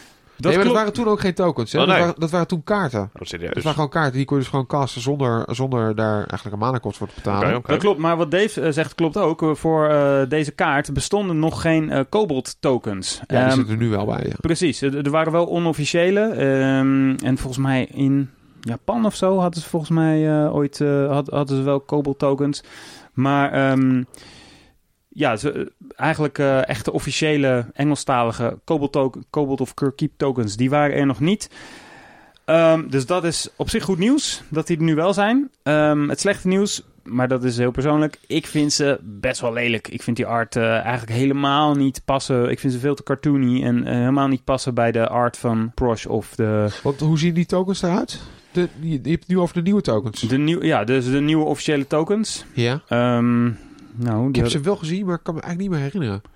even kijken. Ik dacht dat ze heel erg leken op hoe de oude kaart eruit zag. Tokens of Masters 25. Nou, dat zal ik je eens even laten zien. Ja. Does this look like a magic card? Maar ik vind hem wel grappig eigenlijk. Hm. Ja, ik vind hem wel leuk. Ik Ja, vind, ik ik, vind vind hem het wel een beetje, ik vind het een beetje raar dat hij een wapen heeft, maar wel nul taf, eh, power. Jeetje, wat zijn jullie toch negatief. Dat is echt scherp, inderdaad. Die, eh je komt, Ja, maar jij hij komt- krijgt hem niet uit zijn, uit zijn, eh, uit zijn scheden. Wauw, dat is eh, ook wel weer Ah. mooi opgemerkt van Arjan, Hij inderdaad. zit gewoon vast. Er staat, eh, er staat dus inderdaad een soort van kobold. Nou, er staat een figuurtje op. En eh, die trekt zijn zwaard. Maar het is onduidelijk of hij het zwaard uit de schede krijgt. Dus nou, Hmm. mijn eh, twee co-hosts die maken je allebei een, eh, een goed punt. Maar ik blijf ook bij mijn standpunt dat ik deze stijl gewoon niet zo super tof vind voor, een, eh, voor in mijn Magic. eh Want jij, dit is een van jouw commander, eh commander kaarten. Die, Porsche is inderdaad een commander waar ik een, een deck mee heb. Dus ik heb dan ook Cobalt of Keep tokens nodig. je kan en- natuurlijk ook gewoon nog de oorspronkelijke kaart gewoon gebruiken of tokens. Ja, dat kan. Die, maar die, ja, die zijn op hun eigen manier ook weer lelijk. Maar dan op een charmante manier, zeg maar. Ja. Maar goed, eh, een lang verhaal, lang zijspoor. Kobolds zijn ook gewoon niet zo mooi hoor. Nee, dat Ik is weet ook niet of waar. er eentje wel eens in het echt gezien hebt, maar ze zien er gewoon niet uit. Dat weet jij dan weer. kan ze waarschijnlijk vastkopen bij de blok of bij de intratuin. Of in de Efteling, maar dan heet ze weer anders. Nou, en, eh, eh, ben jij nog eh, Ja, ik wil nog even één kaart. Oké, ga jij een kaart hebben nog? Nu wil we dan toch in de, in de Commander-sfeer zitten qua reprints in deze set. eh, een van de kaarten die ook wordt gereprint is Azusa Last Spot Seeking. En dat is voor mij een hele speciale kaart qua Commander. Want dat is mijn Commander in eh, mijn enige Commander deck trouwens, nu ik Mhm. bedenk. Dus ja, die, ga- die ga ik kopen. Want ik, eh, ik vind de nieuwe art vind ik prachtig. En ik ik, eh, veel beter dan de oude art. Dat is inderdaad... eh, Ik vond de oude art ook niet lelijk, maar ik vind deze mooi. Klopt. Deze is inderdaad heel mooi. En ehm, ik kan nu al zien dat deze kaart in foils super mooi gaat worden. Dus daar wil ik graag eh een van hebben voor mijn commander. Super mooi. Super mooi. Oké, eh, wat ik grappig vind, de kaart die daarnaast staat, dat is een Boldovian Horde. En die kaart die komt uit de Alliances. En eh Alliances, nou, eigenlijk de meest beruchte kaart uit Alliances is of Will natuurlijk. Nou, die zit er dan niet in. Maar het hele grappige is dat toen Alliances uitkwam, dat Boldovian Horde de Chase Rare was. Hm. Eh, die kaart was op dat moment eh 20 euro, of eh, 20 gulden moet ik eigenlijk nog zeggen zelfs. Yes. Dus eh, iedereen eh, die zat echt te hopen van, oh wauw, ik dat ik die open. En wat doet hij? Eh, Oké, het is, eh, hij kost 2 generieke mana, 2 rood. Is een 5-5. Een creature human barbarian. Nou, Mhm. klinkt goed toch? Mhm. Ja. En eh when Balduvian Horde enters the battlefield, sacrifice it unless you discard a card at random. Wow. Wow. Nou ja, inmiddels worden we daar allemaal niet zo heel vrolijk van. Nee. Ja, verder geen haste of whatever? nee. Nee, nee. Ehm, het is gewoon een moderne maatstaaf. Is het echt een ongelooflijke rukkaart. En eh, ik, ik weet eigenlijk niet meer of dat toen eh, op een gegeven moment ook wel duidelijk werd. Maar eh, ik denk dat het wel de- de reden dat het ja, ik weet niet. Het was toch een kaart die toen in het begin heel veel waard was, maar best wel snel in waarde gedaald is, geloof ik. Maar ik vind, in die zin vind ik het wel grappig dat hij erbij zit. Ja, ja. En dan heel grappig inderdaad, dat die set, dat, je had het net over of Will, was toen volgens mij een, eh, een, eh, draft Chaff Uncommon. En die is later pas heel goed geworden. Later is pas Eh, ontdekt dat hij heel goed is geworden. Ja, dat, ik weet niet meer hoe eh, goed mensen dachten meteen dat die kaart was. Oké. Weet ik eigenlijk niet meer. Hey, en wat Oh. vinden jullie van dat uh, Fubblethub weer terug is? Ja, nou, wel leuk.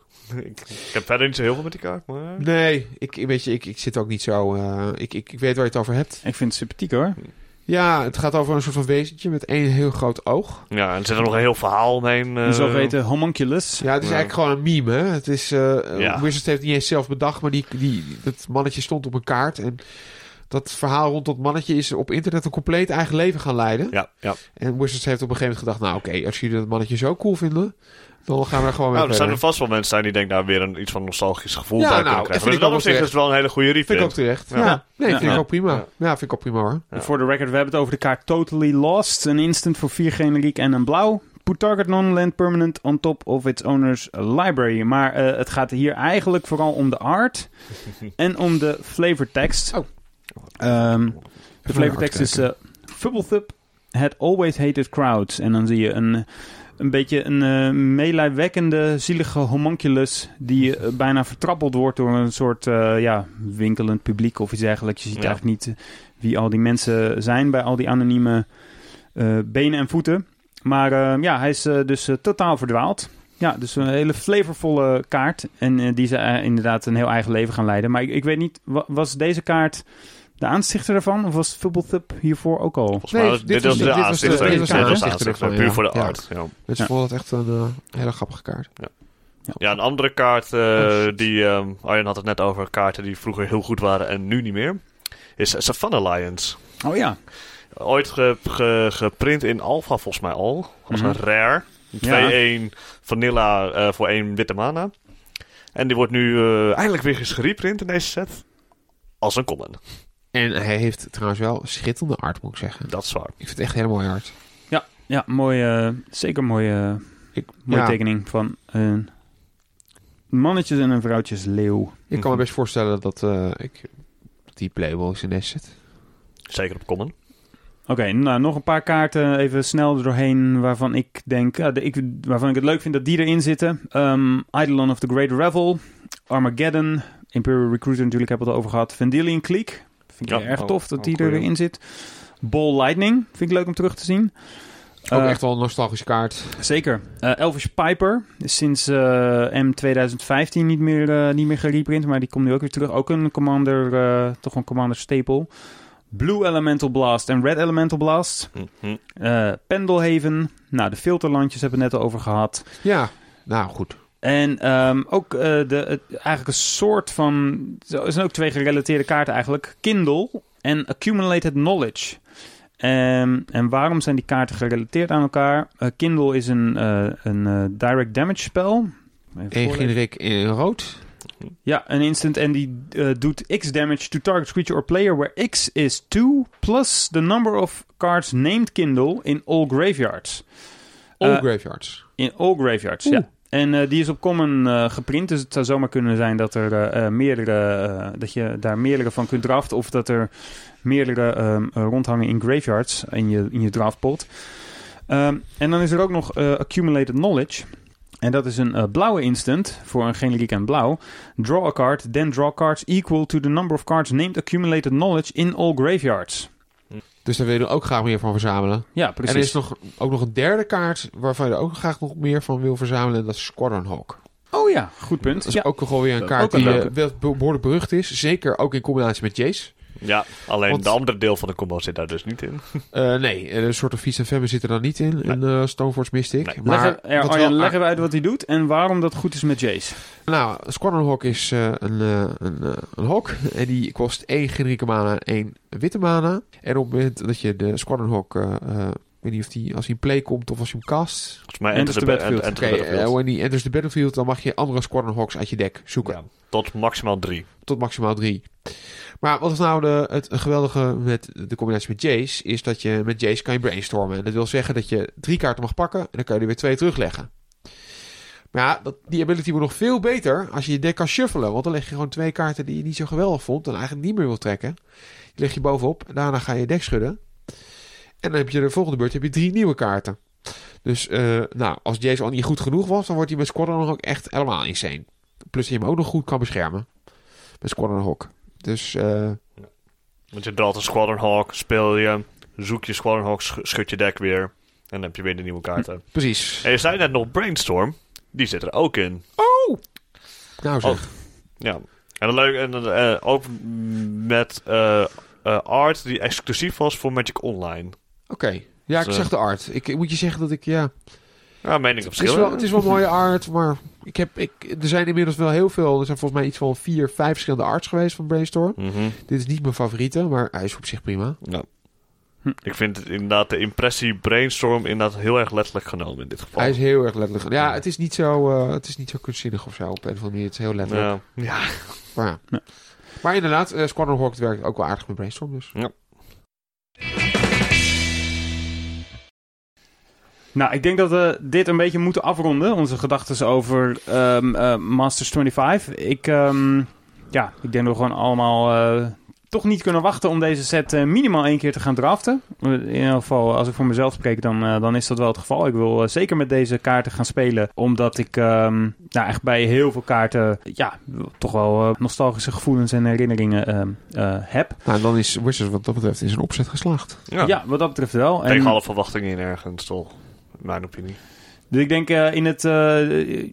ja, misschien is het best case scenario een beetje dat... eh, nu zijn die dozen... Hoe, hoe duur zijn die dozen nu? Eh, ongeveer? nou, hangt er vanaf of je verzendkosten meerekent. Eh, op het moment dat we dit opnemen, moet je denken aan eh, iets van 190, 195 euro, Ja. inclusief Ja. verzendkosten. Is dat normaal voor een Masters doos? Nou de, de, de, de MSRP is 240 euro. Nee, dat is dollar, dus zo'n 200. En wat, is de MSR, wat bedoel je met MSRP? Sorry, dat is de, de, de prijs die Wizards zegt tegen winkeliers. Dit is voor hoeveel je deze doos moet gaan ja, de, verkopen. de adviesprijs, als het Adviesprijs, ware. ja, Ja, ja, ja. oké. Dus daar zitten ze nu nog onder. Ja. Ehm, Maar ja, winkeliers zijn er niet happy mee. Want zij willen wel, de, in ieder geval de kleine spellenwinkels, die zien die Master Sets vaak als makkelijk geld. Maar Hm. dat was met Iconic Masters was echt een dieptepunt. Ja. Eh, en dat willen ze niet nog een keer hebben. Nou ja, makkelijk geld. eh, het, is, het ja. is inmiddels zeker geen makkelijk geld meer. Nee, niet Je moet je voorstellen dat de eerste, de eerste Modern Masters box... die werden toen aanvankelijk eh, bij in ieder geval normale winkels verkocht voor zo'n 170 euro. Ja, ja de, de, de, adviesprijs daar was, 100, eh, was 7 dollar per booster. En dan kwam op iets van 170 voor de hele box zijn. Oké, en eh, die gingen, uiteindelijk gingen die voor meer dan 300 Ja, dollar, ja. Voor, meer voor 300 euro over de toonbank. Dus dat was inderdaad makkelijk verdienen. Ja. Maar die tijden zijn nu wel echt Ja. duidelijk voorbij. Ja. En ook het feit dat Wizards nu gewoon veel meer van die sets maakt. Ja, en ook heel belangrijk is dat ze deze sets niet alleen exclusief bij spellenwinkels verkopen, maar ook bij de Walmarts en dat soort dingen. ja, gaan ze heeft- dat met deze ook doen? Ja, Ja. en dat heeft heel veel impact op de prijs. Ja. Dat was bij Godot voor het eerst en dat is, dat is gemerkt. Ja. Ja, die, die, die grote bedrijven die kunnen zo makkelijk, eh, die, hebben, die hebben genoeg aan een hele kleine marge. Hm. Voor hen is die omzet veel belangrijker dan eh, voor die kleine winkels. Die moeten op, ja, zo'n box verkopen. Dan, dan moet iemand eh, moet er, moet er weer verkopen, weet ik veel wat. En die moeten daar hogere marges op pakken. Ja, ja. Maar eh, het feit dat het bij die groothandels terechtkomt, heeft ook wel echt wel weer een, eh, ja, Ja. een drukkende, drukkende werking op de prijs. Ja, want als, als, als, als koper zijnde denk ik van, ja, dan zou ik 240 bij jou neerleggen, ondanks dat je wil supporten als spellenwinkel, als ik bij, de, bij internet nog voor 120 kan halen, bij wijze van spreken. Ja, ik, ik, ik support graag eh, eh, winkels. Ja, Maar de 70 euro, dat is wel een heel groot verschil natuurlijk. ja.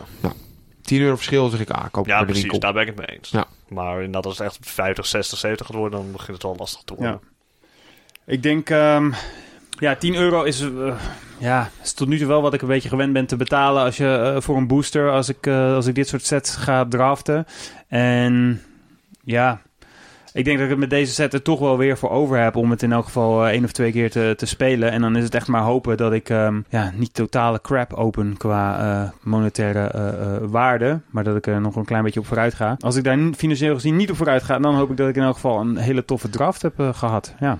Hm, waar die set natuurlijk ook voor bedoeld is. Uiteraard, ja. Ja, ik denk, eh, ik denk, ik denk dat vooral. eh, ik heb een box gekocht, dus ik ga het zeker eh draften. Ja. Eh, ik denk dat ik het één en misschien twee keer ga draften. In onze vorige uitzending hadden we het ook al even kort over Standard en hoe het daar nu mee is. Zo eh, een paar weken na de bands. En Arjen, jij zei toen al van nou, het eigenlijk wachten nog op een, eh, om, een groot toernooi of een paar grote toernooien om er echt iets zinnigs over te kunnen zeggen. Nou, eh, Grand Prix Memphis zit er net op. Het laatste weekend van februari vond dat plaats. Ehm, ja, kunnen we er iets meer over zeggen? Nou ja, wat ik ook nog even grappig vind om te vertellen voordat ik het over de Grand Prix ga hebben, is dat, nou, vorige keer hadden we het erover dat eh Standard dat het niet zo heel erg geweldig ging met Standard op dit moment. Dat de bezoekers of de deelnemers eh, flink eh, waren teruggelopen. Ja, op, op FNM's en dergelijke, en game Ja, days en Eigenlijk vooral op FNM's. of showdowns. Ja, Ja. vooral op FNM's. Ja. En daar hebben Wizards iets op bedacht. Namelijk de zogenaamde Challenger decks. En wat zijn Challenger decks? Dat zijn eigenlijk pre-constructed standard decks. Nou, heeft Wizards al een keer eerder zoiets bedacht. Dat heette, waren zogenaamde event decks. En eh, dat waren eigenlijk ook gewoon kant-en-klare eh constructed decks, standard decks. Eh, 60 kaarten, main, 15 kaarten sideboard. Nou, zo waren toen begonnen met een deck dat best wel oké was. Maar het deck daarna werd al een stuk minder. En op een gegeven moment verkocht het dus ook niet meer. Want mensen dachten van ja, dan kan ik wel gewoon zo'n constructed deckje kopen. Maar daarmee kan ik niet echt meedoen op een FNM. Dus eh, het was niet echt succes. En op een gegeven moment verdween het weer. Maar nu hebben ze nieuwe Challenger decks aangekondigd. Dat zijn dus ook standard decks. En er zitten, tot ieders verbazing, zitten daar heel veel mythics in. Dus een momenteel vrij populair standard deck is Hazoret Red. Dus eigenlijk een mono-rood eh, Hazoret deck. En ja, Wizards heeft eigenlijk nu een pre-constructed Hazoret deck compleet geprint. Met, eh er zit Hazoret zit erin, dus een mythic. ja, Hazoret the Fervent. Hazoret the Fervent zit erin. Indestructible eh, Haste. Eh, Chandra zit erin. Er zitten vier Kendra Earthshakers zitten erin. Mhm. Vier Bomet Couriers. Eigenlijk heb je het complete standard deck. Behalve dat je misschien liever drie Hazards zou willen spelen dan één. En misschien twee Chandra's in plaats van één. Maar bijna alle goede rares zitten er gewoon in.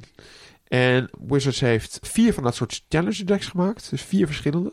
Ja, al die Challenger decks zitten helemaal propvol met mythics en rares.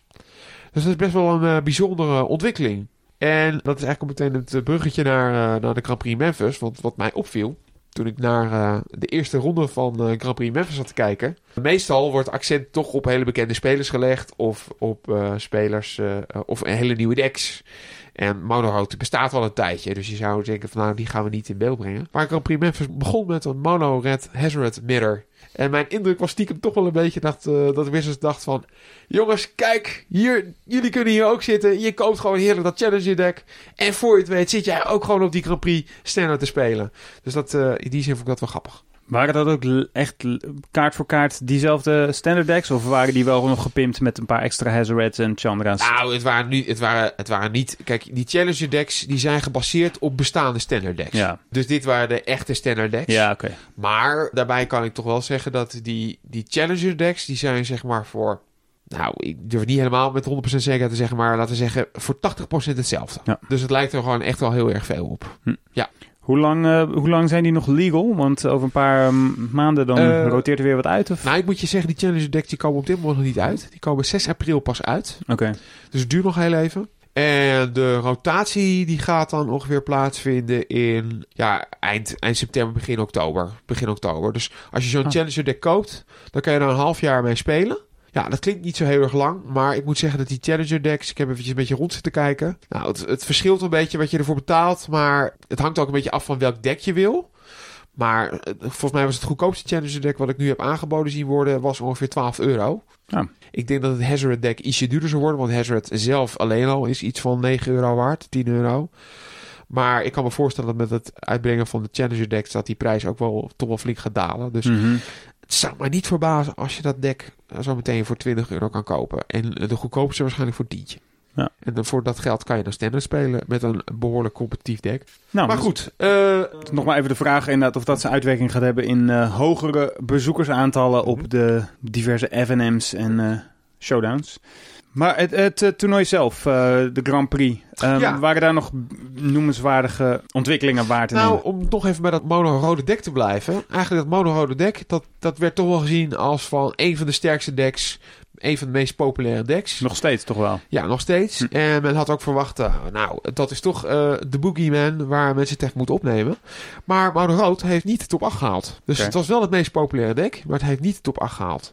En het, het toernooi is uiteindelijk gewonnen door een roodgroep monsters. Ja, een deck met vooral Rekindling Phoenix, eh, Storm... Nee, ik zeg altijd Stormbreath Dragons, Dragons, maar het zijn Glorybringers. Nou ja. Dus... eh, Re- Rekindling Phoenix is die, dus het 3-4 vlieger die de hele tijd terugkomt. Ja, twee generiek, twee rood, eh 4-3 flying. En als hij doodgaat, dan krijg je een token. En die token die verandert in jouw volgende upkeep weer in die Phoenix. Zolang Ja, die in je graveyard ligt. Ja, precies. Een, een 0-1 beestje en eh, inderdaad in je upkeep dan. En daarbij krijgt hij dan ook nog eens haste. Kijk. En dat maakt al een heel groot verschil. En eh Glorybringer, die kennen we nog uit Amon Cat. Daar is die volgens mij Ja, ingeprint. eh drie generiek, twee rood, 4-4 vlieger. Je kan hem exerten. Dat betekent dat als je hem exert, dat je hem de volgende beurt niet kan aantappen. Als je dat doet, dan doet hij ook nog eens 4 damage op een target creature. Ja. En die En heeft dat- ook haste, hè? ja. Die heeft ook haste. Eh nee, die Rekilling Phoenix heeft trouwens van zichzelf geen haste, behalve als hij kapot gaat, Ja, gaat hij precies. haste. Ja. Nou, er zit ook nog Jade, Lightbringer zit erin. eh of, eh, ja. Jade Light Ranger. Jade Light Ranger. Nou, die is één geniek, twee groen. En die export twee keer. Oh ja. Er zitten nog een aantal Kendra's in, maar heel agressief deck. En dat, dat won dus. En dat won van een best wel innovatief deck, namelijk Sultai Constrictor. En ik zeg innovatief, en dat was het ook wel, maar aan de andere kant leek het ook wel weer op een ander deck wat best wel bekend was. Namelijk het Winding Constrictor deck met Furthest Gearhook. En Winding Constrictor zegt eigenlijk dat als je ergens een counter oplegt, dat je dan meteen twee counters krijgt. Een plus 1 counter. Ja. Of geldt het En- voor alle counters? Nee, plus 1 counters alleen toch? Die worden Nee, voor verdubbeld. alle counters. Oh, oké. Dus Oh. ook als je zeg maar drie energy krijgt, dan krijg je nu ja, vier oh energy. Dus dat werkt best wel allemaal aardig. Maar deze jongeman, eh Aaron Barrage, die had daar een innovatie aan toegevoegd. Die had namelijk Hadana's Climb toegevoegd aan zijn deck. En wat doet die kaart nou? Die is één generiek, één groen en één blauw. En die zegt eigenlijk dat je gedurende, of net eh het beginning of your combat phase, mag je ergens een counter opleggen. Nou, werkte ook nog weer eens leuk met Winding Constrictor. Dat is wel een plus 1 counter, toch?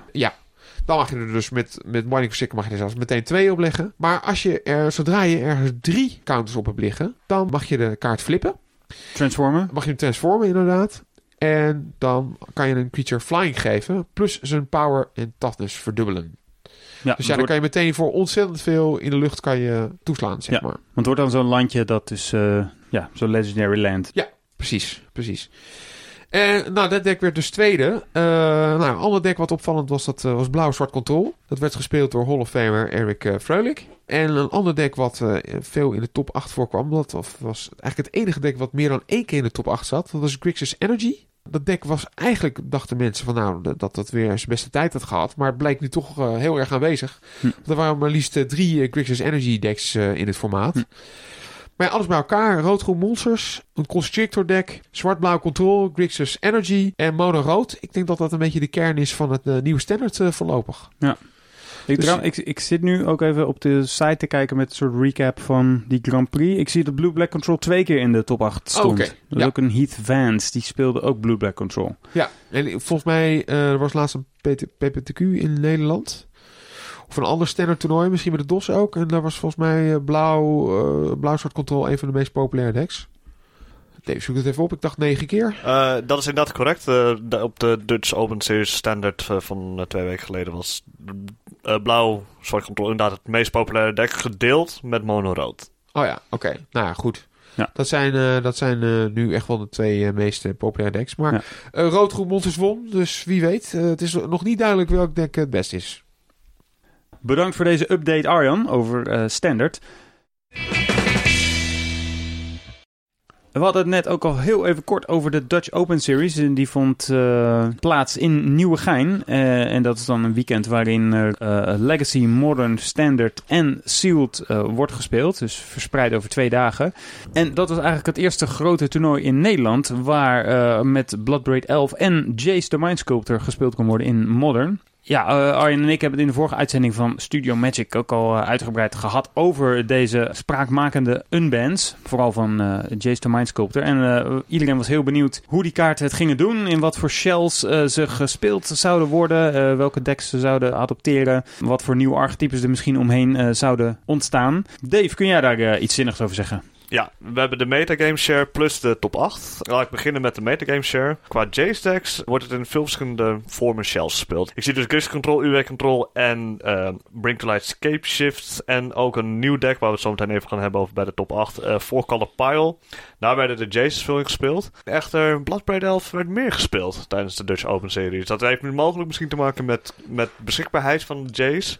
En uh, eventueel de prijs. Maar, het eraan misschien ook wel.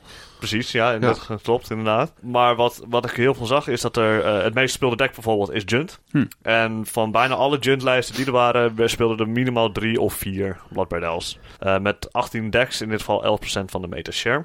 Ja. Uh, daarnaast was er ook redelijk wat Ponza. Ponza is uh, Land Destruction deck, ja, klopt, ja. Land Destruction, daar werd ook Bloodbraid Elf in gespeeld. En ook in wat andere decks die wat lager staan. Bijvoorbeeld Rood-Groen Eldrazi, wat ook GP Lyon heeft gewonnen, werd ook met vier Bloodbraid Elves gespeeld. Dus meer Blood Red uh, dan Jace. De top 8 daarentegen is het een, eh, een, eh, een goede balans. Er worden 9 Jaces gespeeld, verspreid over 3 decks. In dit geval de 4-color pile deck, dat nou ja, letterlijk een pile deck is. Dus 4-color good, good, stuff. Zeg maar. Uh, daar worden 3 Jason Mind in gespeeld, in combinatie met allemaal goede, sterke spells. Maar daar wordt ook 4 Blood Elves in gespeeld. Verder in de top 8 waar Jason in wordt gespeeld was het Scapeship deck. Dat is, was, uh, voor de unban was dat vaak twee kleuren, groen en rood. En nu dus weer drie kleuren, zoals het oorspronkelijk eigenlijk was. Waardoor het meer een control deck is geworden met een combo finish aan het einde. Daar wordt 3 Jason gespeeld. In een Christus control deck wordt ook 3 Jason gespeeld. Dus dat staat als 9. En het, uiteindelijk de winnaar ook. Ponza uh, speelt dus 4 Blood Red Elves. En daarbij moet ik even zeggen dat ik heel blij ben met de winnaar. Want dat is een goede vriend van mij, Casper.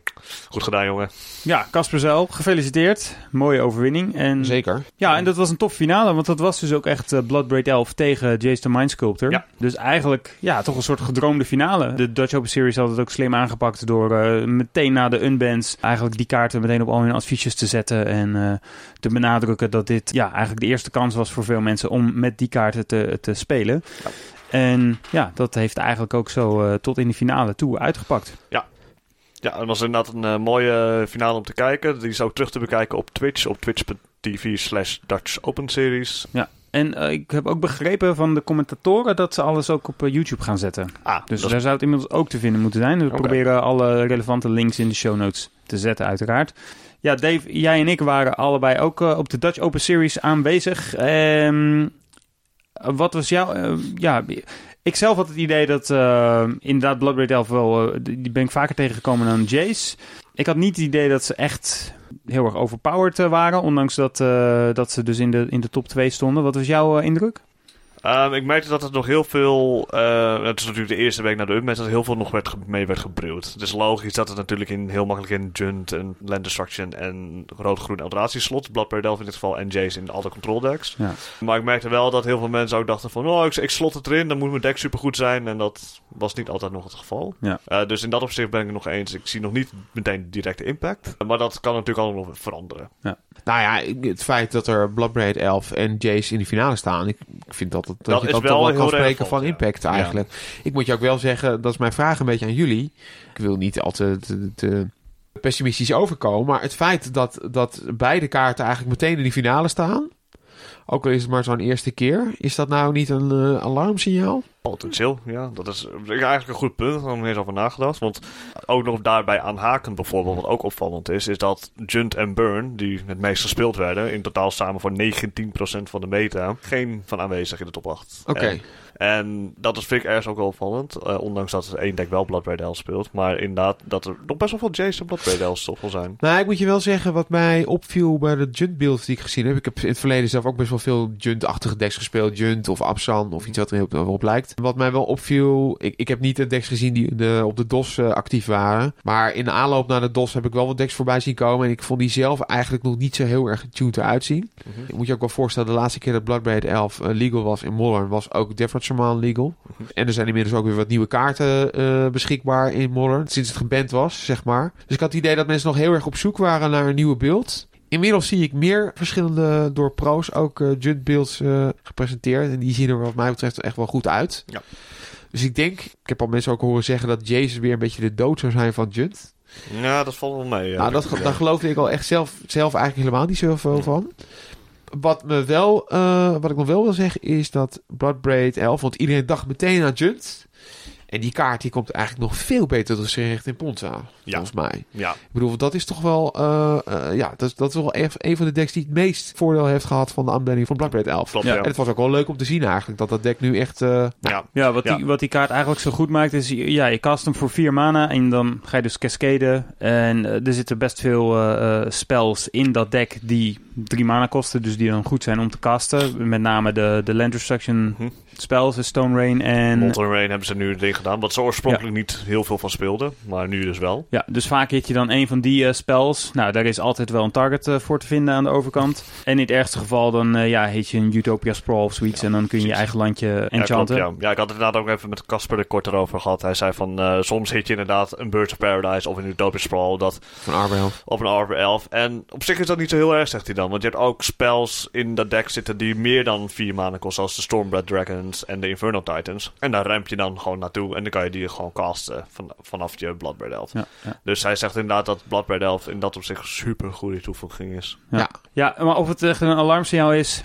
Ja, zou het kunnen zijn. Ik denk dat het nog een beetje vroeg is om dat te, te zeggen. Omdat we ook voor de bannings al zagen dat de top 8 eh, van week tot week op grote events steeds eh, super divers waren. Dus eh, ik denk dat we nog even een paar weken moeten aankijken hoe, ja, hoe vaak dit patroon zich gaat herhalen. Maar ja, wat ik vorige keer ook al zei, mijn hoop is nog steeds dat de meta zich daar dan weer een beetje op aanpast.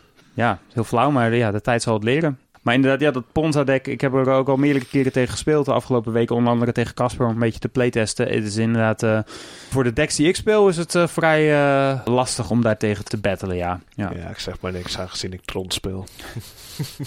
Jij wordt er wel vrolijk van, Ik- zo te zien. ja. Trouwens, nog een ander deck wat, ook, eh, eh, wat we ook nu vaker gaan zien met Bloodbraid 11 is Zoo. Eigenlijk de, de, de comeback van Zoo.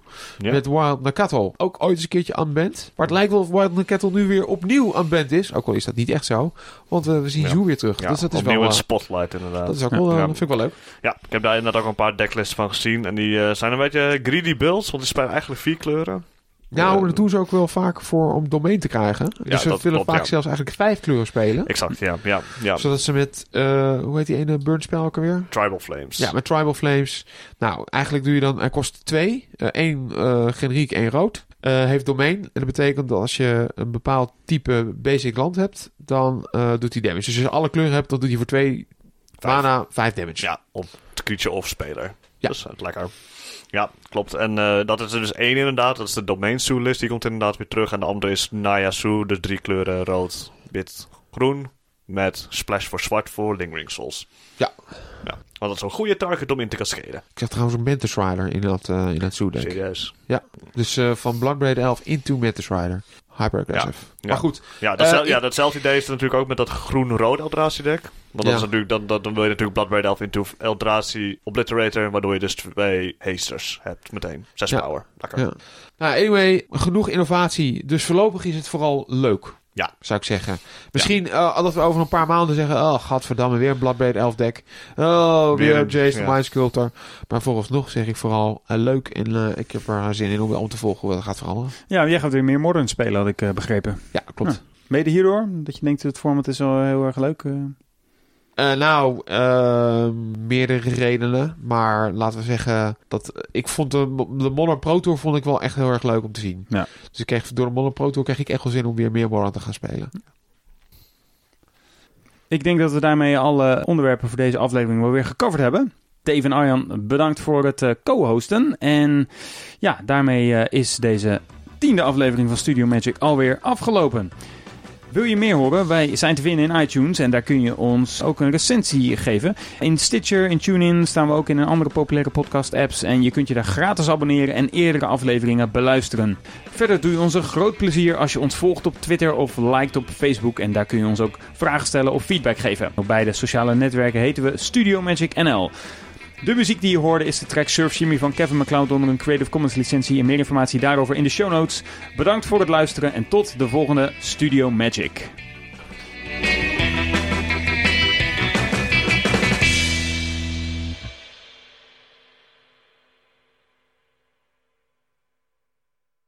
Goed, dan hebben we nog een non-magic gerelateerd gedeelte zonder fatsoenlijke titel. Heb je nog iets op je, op je hoe noem je dat? Lever? Kerfstok? Wat ik een heel leuk spel vind om te spelen is eh, Sherlock Holmes Consulting Detective. Hmm. En dat is een spel dat komt eigenlijk oorspronkelijk uit de jaren 80. Maar dat is dit jaar weer gereprint. Wordt, wordt, wordt echt regelmatig wordt het gereprint trouwens. En het is heel grappig, want je moet echt een soort van mysterie oplossen. Ook met een, eh, met een paar andere mensen. Je kan het ook in je eentje doen. Maar ik doe het eigenlijk gewoon met, met twee vrienden. Met een vriendin en een vriend eh, eh, doe ik dat eh, regelmatig. En eh, bij dat spel, eh, het is dus gewoon een compleet bordspel. Ja. Er zit een kaart van Londen zit erbij. Aan het einde van de 19e eeuw, zeg maar. En er zit een adressenboek bij van Londen. Wat echt ontzettend veel adressen. Je krijgt ook bijna, nou, je krijgt een complete map van het centrum van Londen. Eh, er zitten ook allemaal oude kranten bij. En in die kranten moet je allemaal clues gaan vinden en weet ik veel wat. En het is een heel, het zijn best wel ingewikkelde mysteries die je op die manier moet oplossen. Je hoeft ook niet te gooien met een dobbelsteen of zo. Er wordt een ver- verhaal, ga je voorlezen. En eh, je moet door allerlei clues moet je proberen te achterhalen eh, wat er gebeurd is. Met z'n drieën. Ja, nou, met z'n drie is denk ik Of wel het eh, beste aantal. Met het aantal mensen waarmee je speelt. En, Ja. Maar je speelt niet tegen elkaar, je speelt samen. Ja, je speelt samen. Dus je probeert het echt met elkaar op te lossen. Eén keertje toen hadden we het niet echt opgelost. Er zat er een soort van moeilijke brief in die we moesten ontcijferen. En ik denk van, nou ja, we, we gaan nu niet de oplossing opzoeken. We moeten dit gewoon oplossen op een of andere manier. Nou, ik heb het, ik heb het een week naast mijn bed gehad. en elke avond ging je weer kijken om die code te ontcijferen. Je vrienden mochten ook niet naar huis in die tussentijd. Nou, we hebben het, ik heb het ook. eh, Nee, die waren inderdaad wel. eh, die waren weer eh, wel naar huis. Maar eh, ja, via de app. En ik heb toen uiteindelijk heb ik het toen na vijf dagen heb ik die code weten te kraken. Oh, respect. Dus daar was ik wel, eh, daar was ik wel heel erg content mee. Maar in die zin is het heel erg. eh, ja, je wordt echt helemaal ingezogen. En eh, als we het spel deden, die vriendin vertelde van mij ook zo van ja, dan ben ik op een gegeven moment thuis in het donker. En dan denk ik nog aan, dat, aan die moord die we moeten oplossen. En dan, ja, je krijgt er echt eh, eh, de bibbers van soms. Oh, wat heftig. Maar eh, als ik het goed begrijp, los je dus elke keer een andere zaak op? Of is het el- werk je elke keer aan dezelfde zaak? Nee, je, je lost eigenlijk elke keer los je een andere zaak op. Maar er zit ook wel stiekem zit er nog een soort van rode draad in. Ja, ja. Maar er zitten er tien verschillende opdrachten in. En we zijn er nu bij de zevende. ja, ja. Dus als je die zevende eh, en de laatste drie dan ook nog eh, allemaal hebt opgelost, dan heb je eigenlijk het spel uitgespeeld. Ja, dan ben je er ook klaar mee. Want Ja. als je weet eh, hoe het afgelopen is, dan, eh, dan ben je klaar mee. Ja. Maar desondanks vind ik het het wel echt waard. Ja. Want wat kost het spel ongeveer? Nou, ik denk 45 euro. Nou ja. Dus je 4,5 euro voor een avond. Nou, laten we, Ja. het, even, laten we het even vergelijken met een, eh, eh, met een draft. Nou, laten we dat liever niet doen. Dus het is echt helemaal niks. Nee. Nee, er zijn ook nog twee uitbreidingen, dus ik denk dat ik die ook ga Ja. kopen. Het grappige is dat die ene vriend van mij, die is inmiddels geëmigreerd naar Canada. Ja. Maar hij komt volgende maand weer terug om dit spel te spelen. Dat, dat is dedicatie. Dus eh, om maar even aan te geven hoe leuk het, eh, hoe leuk het kan zijn. Nou, wat een leuke tip. Ja, ik ben zelf echt dol op detectives en dat soort dingen. Dus eh, vandaar. Hmm. Ja, Sherlock ik- Holmes, Consulting Detective, The Thames Murders. Heet het spel. Dat is het eerste deel. Echt Top. een aanrader. We zetten een link in de show notes. Yes.